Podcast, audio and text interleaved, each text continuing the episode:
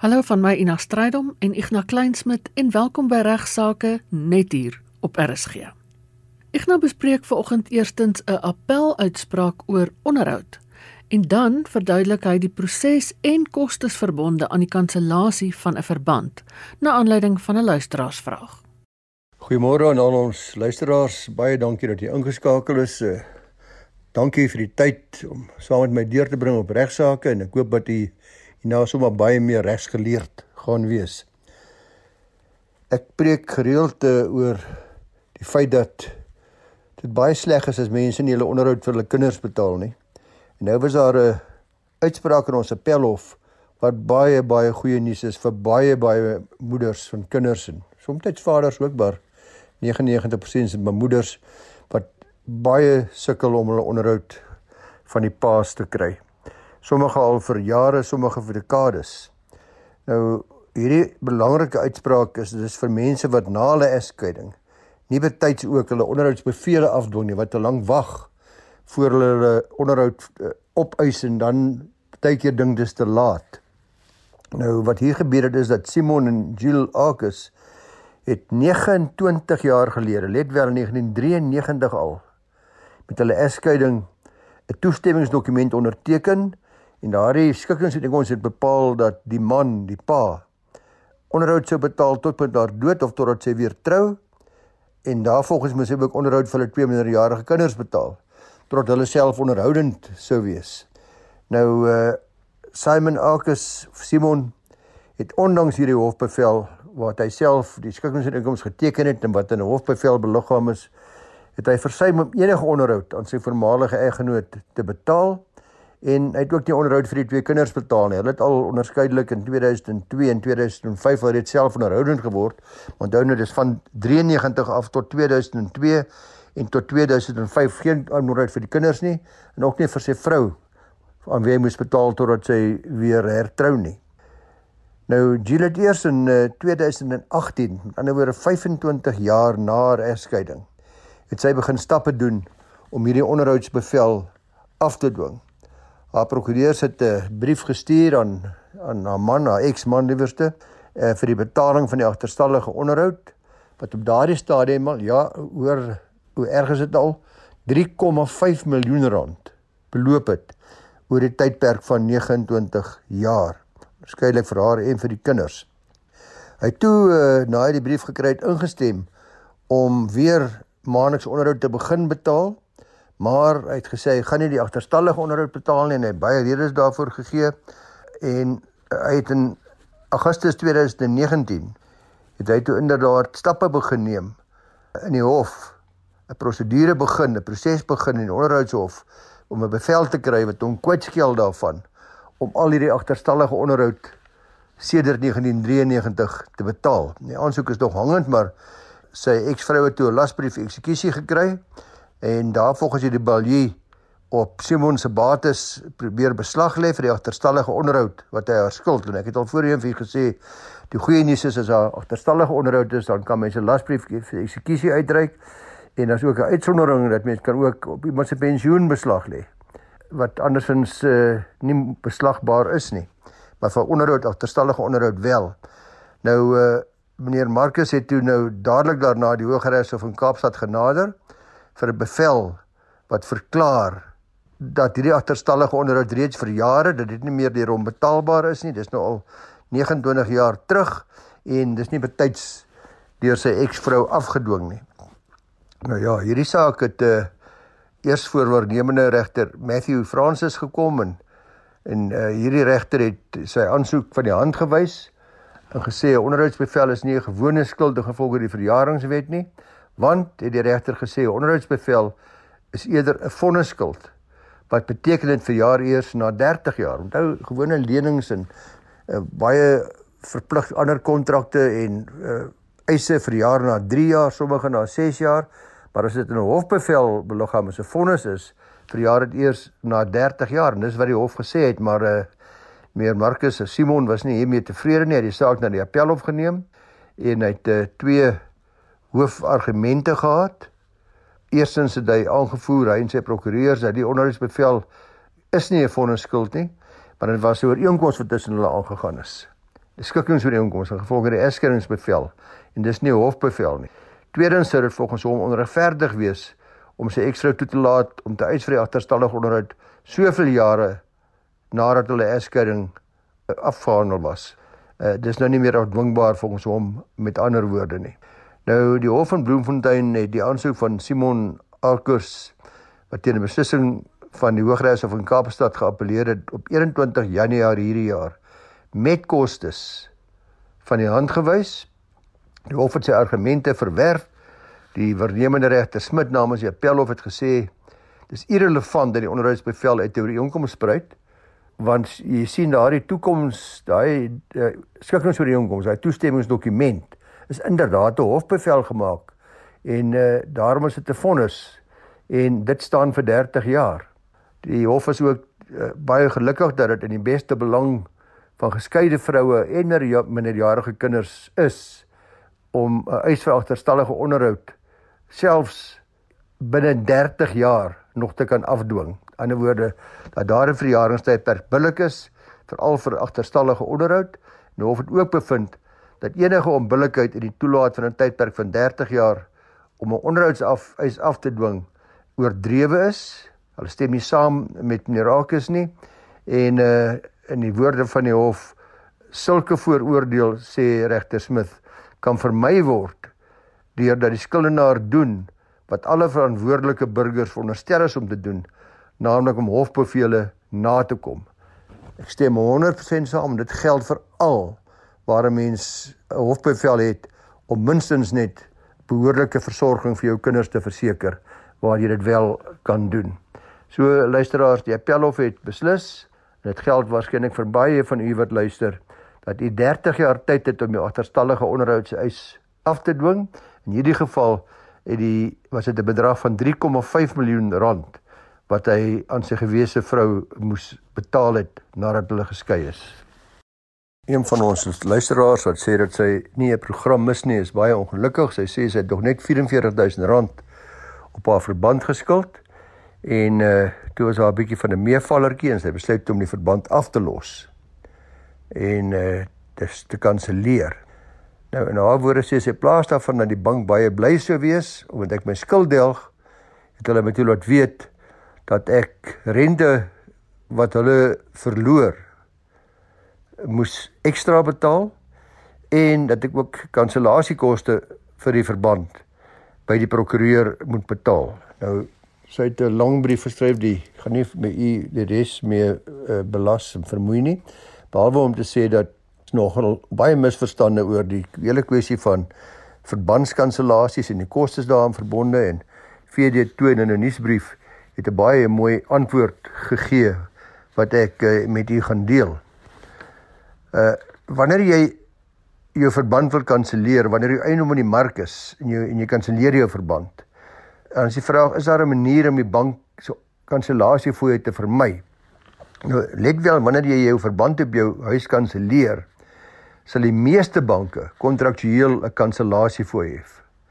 Nou hierdie fooie kan vir die vroeë beëindiging soos in ons luisteraar se geval wees. Aan die ander wyse ek wil hom vroeër beëindig as wat hy normaalweg sou beëindig. Ek betaal nou sommer die hele verband met een slag af. En dit kan ook hierdie kan hierdie uh, kansellasie vir kan ook gehê word as die kontrak spesifieke kennisgewingstyd vereis. Baie van hierdie uh, verbandskontrakte uh, vra dat jy moet kanselleer en jy mag nie minder as 90 dae kennis gee van jou voorneme om te kanselleer indien jy dit sou wou doen nie. So tensy jou verbandsooreenkoms nie voorsiening daarvoor maak nie, dan is die enigste manier, so let wel, die verbandsooreenkoms kan sê 90 dae kennis, dan is dit gaaf. Maar as dit nie so sê nie, dan is die enigste ander manier hoe jy die bank se kansellasie fooi kan vermy of verminder, is deur te voldoen aan die vereistes van die bank. Nou wat ek nog al daai vereistes mag wees, gaan afhang van wat die verbandsterme is, maar dit is so dat die bank is in die meeste gevalle gevolge jou verbandsakte is hulle geregtig om 'n vroeë beëindigingsbedrag te hef wat gewoonlik gelyk is aan die rente wat betaalbaar sou wees volgens die verbandsooreenkoms vir die periode gelyk aan die verskil tussen 3 maande en die vereffeningskennisgewing wat die verbruiker voorsien het. Dis nou indien na enige was. So die bank is heeltemal reg en ek neem aan dis hoe u verband akte daar lees, uh, ons luisteraar om te sê maar ons het nou 'n verlies as gevolg van die vroeë beëindiging. Uh ons gaan sekere rente van jou hef soos wat die kontrak bepaal en uh dit sal afhang van u verbandakte wat u dan u prokureur toe moet vat voordat u inderdaad daardie gelde betaal om te sien hoe daai verbandakte van u spesifiek lees. As jy egter jou verband wil kanselleer omdat dit vereffen is of om jou eiendom verkoop is, dis maar die meeste gevalle van waar verbandskansellasies plaasvind, is daar ongelukkig geen manier om die kansellasie fooie te vermy nie.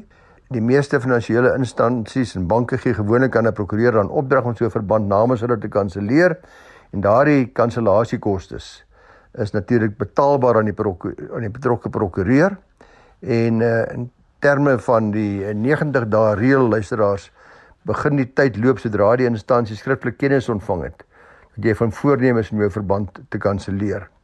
Aan die ander kant sou jy verbandskanselasie eers na 90 dae registreer, sal jy nie 'n vroeë beëindigingsbedrag hoef te betaal nie. So daar's wel uitsonderings op hierdie reël, uh veral waar die vroeë beëindigingsheffing nie van toepassing sal wees nie, soos byvoorbeeld in die geval van 'n sekwestrasie of 'n besorwe boedel, maar uh, ek gaan nie nou nie daarmee vermoei nie. Uh dit is weer vrae vir 'n ander dag. Maar VDT sê tereg dat sou die verband binne 90 dae dan gekwalifiseer word sal die banke pro rata gedeelte van hierdie bedrag op deurblywende dae hef. Aangesien die kontrakte van banke regtig almal omtrent van mekaar verskil, uh, wil ek vir ons luisteraar en al die ander uh, wat ook luister aanbeveel as jy in daardie situasie kom om maar die prokureur of die professionele eiendomskenner te raadpleeg om na jou verbandsooreenkoms spesifiek te kyk om te bepaal wat die vereistes is rondom die verband se kansellasiefooi en of jy dit dalk kan vermy. Uh, o ja, net terloops, ek het sommer net gaan kyk wat die kostes van kansellasie op hierdie stadium van 'n verband is. En dit beloop byna R5000 per verband. Ek sien ook daar's 'n wysiging uh, aangebring 'n uh, paar dae gelede op 1 April is die uh, akteskantoor fooi gestyg van uh, gelukkig daarom net met R9 van 132 na R144 toe. Maar die meeste prokureurs sal uh, se verbands kansellasiekoste sal baie naby aan R5000 per verband beloop. Vervolgens bespreek Ignas die gelykheidshof beslissing oor die BLF en twee van sy lede se uitsprake na die ramp by die hoërskool Driehoek. Luisteraars baie van julle sal met afgryse onthou van die groot ramp wat plaasgevind het daar by Hoërskool Driehoek, die brugramp waar die brug in mekaar geval het. Dit was daar in die reg in die begin van Februarie 2019 en veral die tragiese feit dat vier blanke leerlinge tragies oorlede is. Nou daar was op daardie stadium mense wat sekere tweets gemaak het op Facebook en ander media wat geweldig skokkend was. Ene Maasdorp en ene Dubasie het gereageer op 'n opmerking van Sianda Dizzy Gumeda wat hy op Facebook gemaak het na die dood van die vier leerders op 1 Februarie 2019 wat as volg gelei het ek al aan Don't have a heart to feel pain for white kids. Mine is free future problems. Einde van aanhaling. Maasdorp het daarna op Twitter gereageer uh, en ek haal aan Sianda Gumede is korrek. God is responding. Why should we frown on the ancestors nation to punish the land thieves including their offspring? Nou ja, skokkende woorde nadat kinders dood is en Dubasie het nog verder gegaan en gesê en ek haal aan ancestors are with BLF as we fight they fight too. They shake the land and white buildings built on stolen land collapse. Nou hierdie tweets wat daarom regtig baie erg klink en wat vir baie van ons klink na haatspraak is toe aangevat deur solidariteit en hulle het vir BLF en vir Maasdorp en vir Dubasie namens die namens die ouers van hierdie vier van hierdie vier kinders hof toe gevat die vier kinders is Royden Olkers en Marley Curry en Jan Reystein en Marnus Nagel en hulle van haatspraak aangekla. Onthou nou Black First Land First of BLF was een van die teen wie gekla is want die ander tweeters was ook hulle lede gewees en uiteindelik het die hof gelas dat Blackfurs Landfurs moes binne 30 dae 50000 rand betaal aan elkeen van hierdie gesinne van die vier leerlinge wat in 2019 gesterf het. Hierdie bevel is nou maar onlangs is die 2de uh, Maart in die gelykheidshof in Johannesburg gemaak in hierdie saak tussen solidariteit en die BLF. Nou belangrik is dat regter Rata Mogwatleng het ook gelas dat sowel BLF en sy twee lede, dis die Lindsay Maasdorp en Zwelakwe Dubasi, moes ook binne 30 dae vir die publiek om verskoning vra vir hulle uitlating en uh Mogatleng het in sy uitspraak gesê en ek haal hom woordeliks aan, daar kan geen groter aanhitsing tot haat wees as wanneer iemand vreugde vind na die dood van onskuldige kinders oor hulle velkleur nie. Daar kan geen groter aanhitsing tot haatspraak wees as om die dood van 'n ander mens te vier nie en en dit as 'n oorwinning te beskou nie. Die haatdraandheid en haatspraak is laakbaar omdat diegene wat dood is, hulle lewe in 'n tragedie verloor het Nou die enigste sogenaamde oortreding volgens hierdie respondente, dis die BLF en en hierdie ander twee lede van hulle, is dat hulle die nageslag is van wit ouers wat deur die respondente as gronddiewe gesien is. So baie sterk woorde van ons regter in hierdie geval, uh Mogoa Kleng, het gelas dat Maasdorp en die basie nie hulle uitlatings ook op enige platforms weer mag herhaal nie en dat hulle die oorspronklike uitlatings moet verwyder. Hulle moet alle Suid-Afrikaners, soos ek gesê het, binne 30 dae skriftelik om verskoning vra en hulle moet ook erken dat dit wat hulle gesê het haatspraak is en dat hulle self nooit weer daaraan sal skuldig maak nie. Ek kon nêrens in die pers of enige ander plek sien of uh Maasdorp of Dubasie enigsins gereageer het op hierdie uh uitspraak nie. Ek weet dat uh Andile Msitama, die BLF leier, het by navraag net gesê hy het geen kommentaar oor die hof se uitspraak nie en dat Maasdorp en Dubasie in elk geval ook nie meer BLF lede is nie. Uh en hy wou ook nie uitwy oor die vraag of uh BLF Black First Land First liewerste of hulle gaan opdok soos hulle deur die hof beveel is nie ek het geen twyfel dat as hulle die hofbevel nie nakom nie, daar verdere stappe sal volg.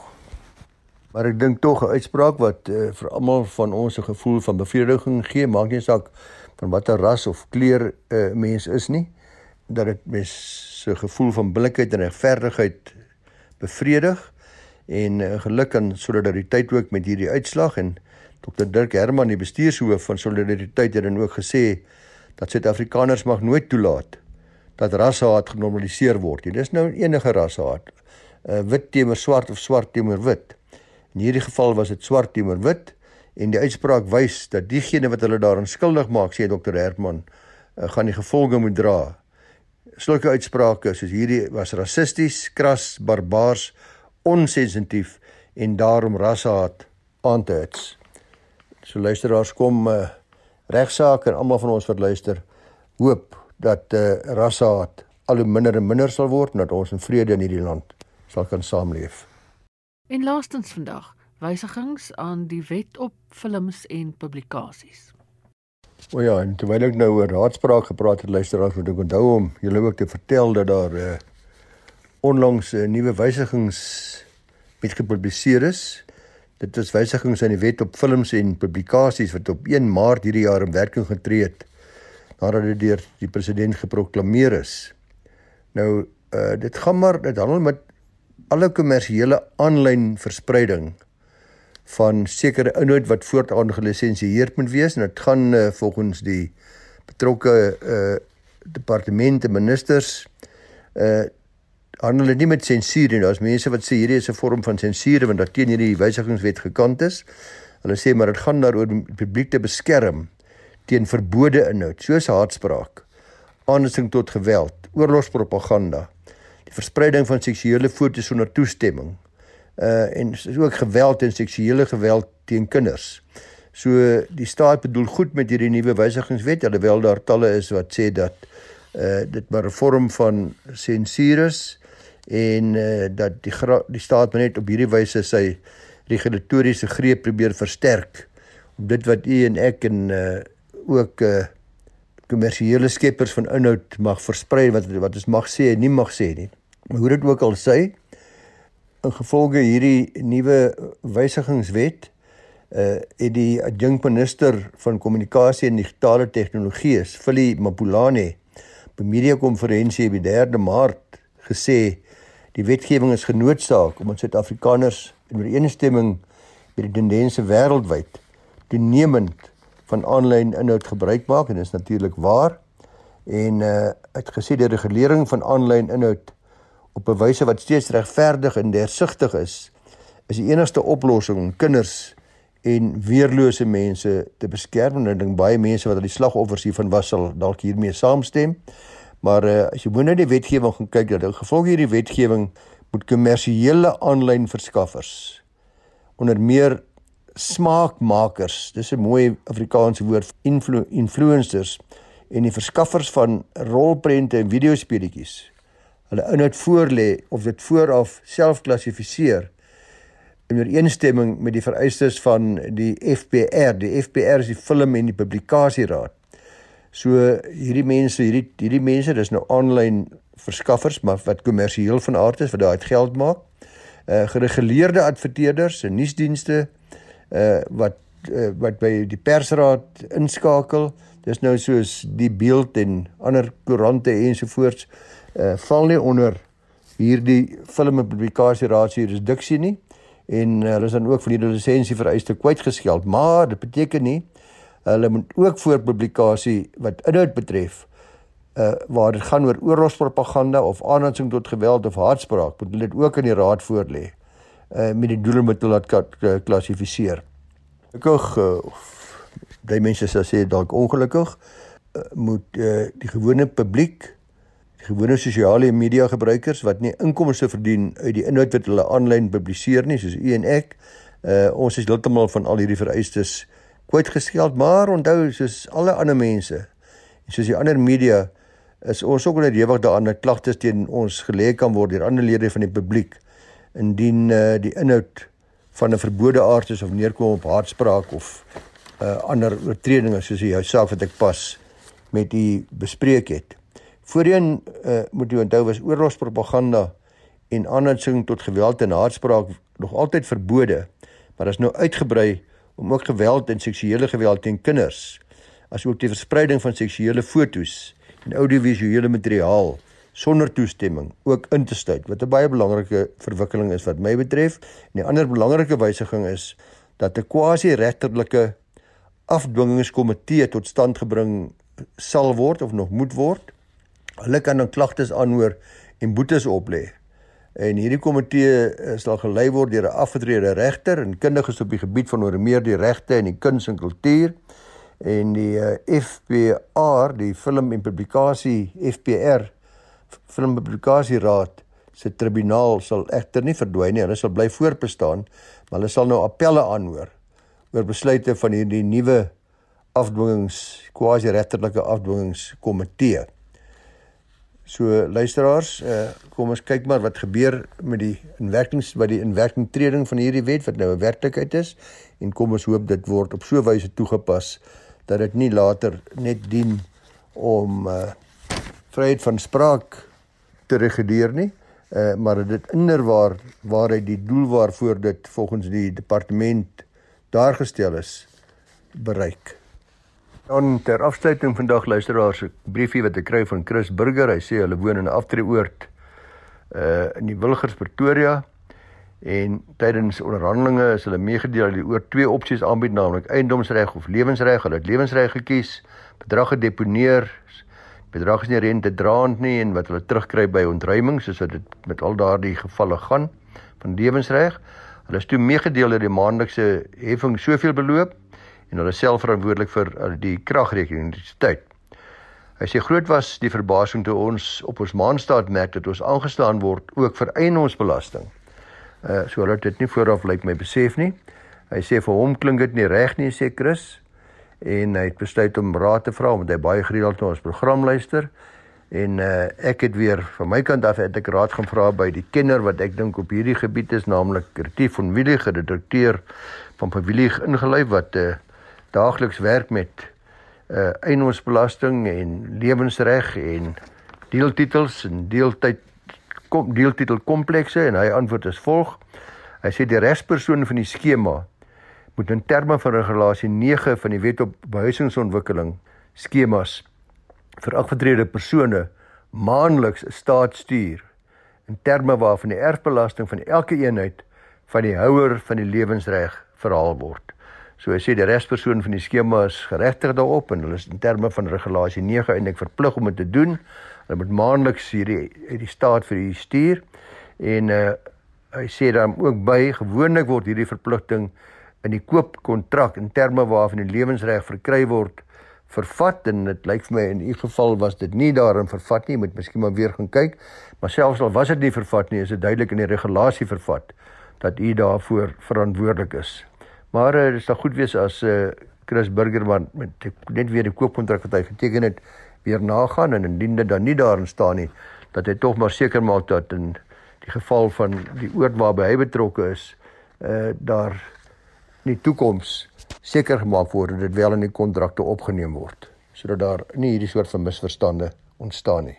Groete en 'n aangename dag vir julle almal. En ook van my kant af, groete tot volgende week wanneer ek vir oulaas saam met Ignas die program aanbied.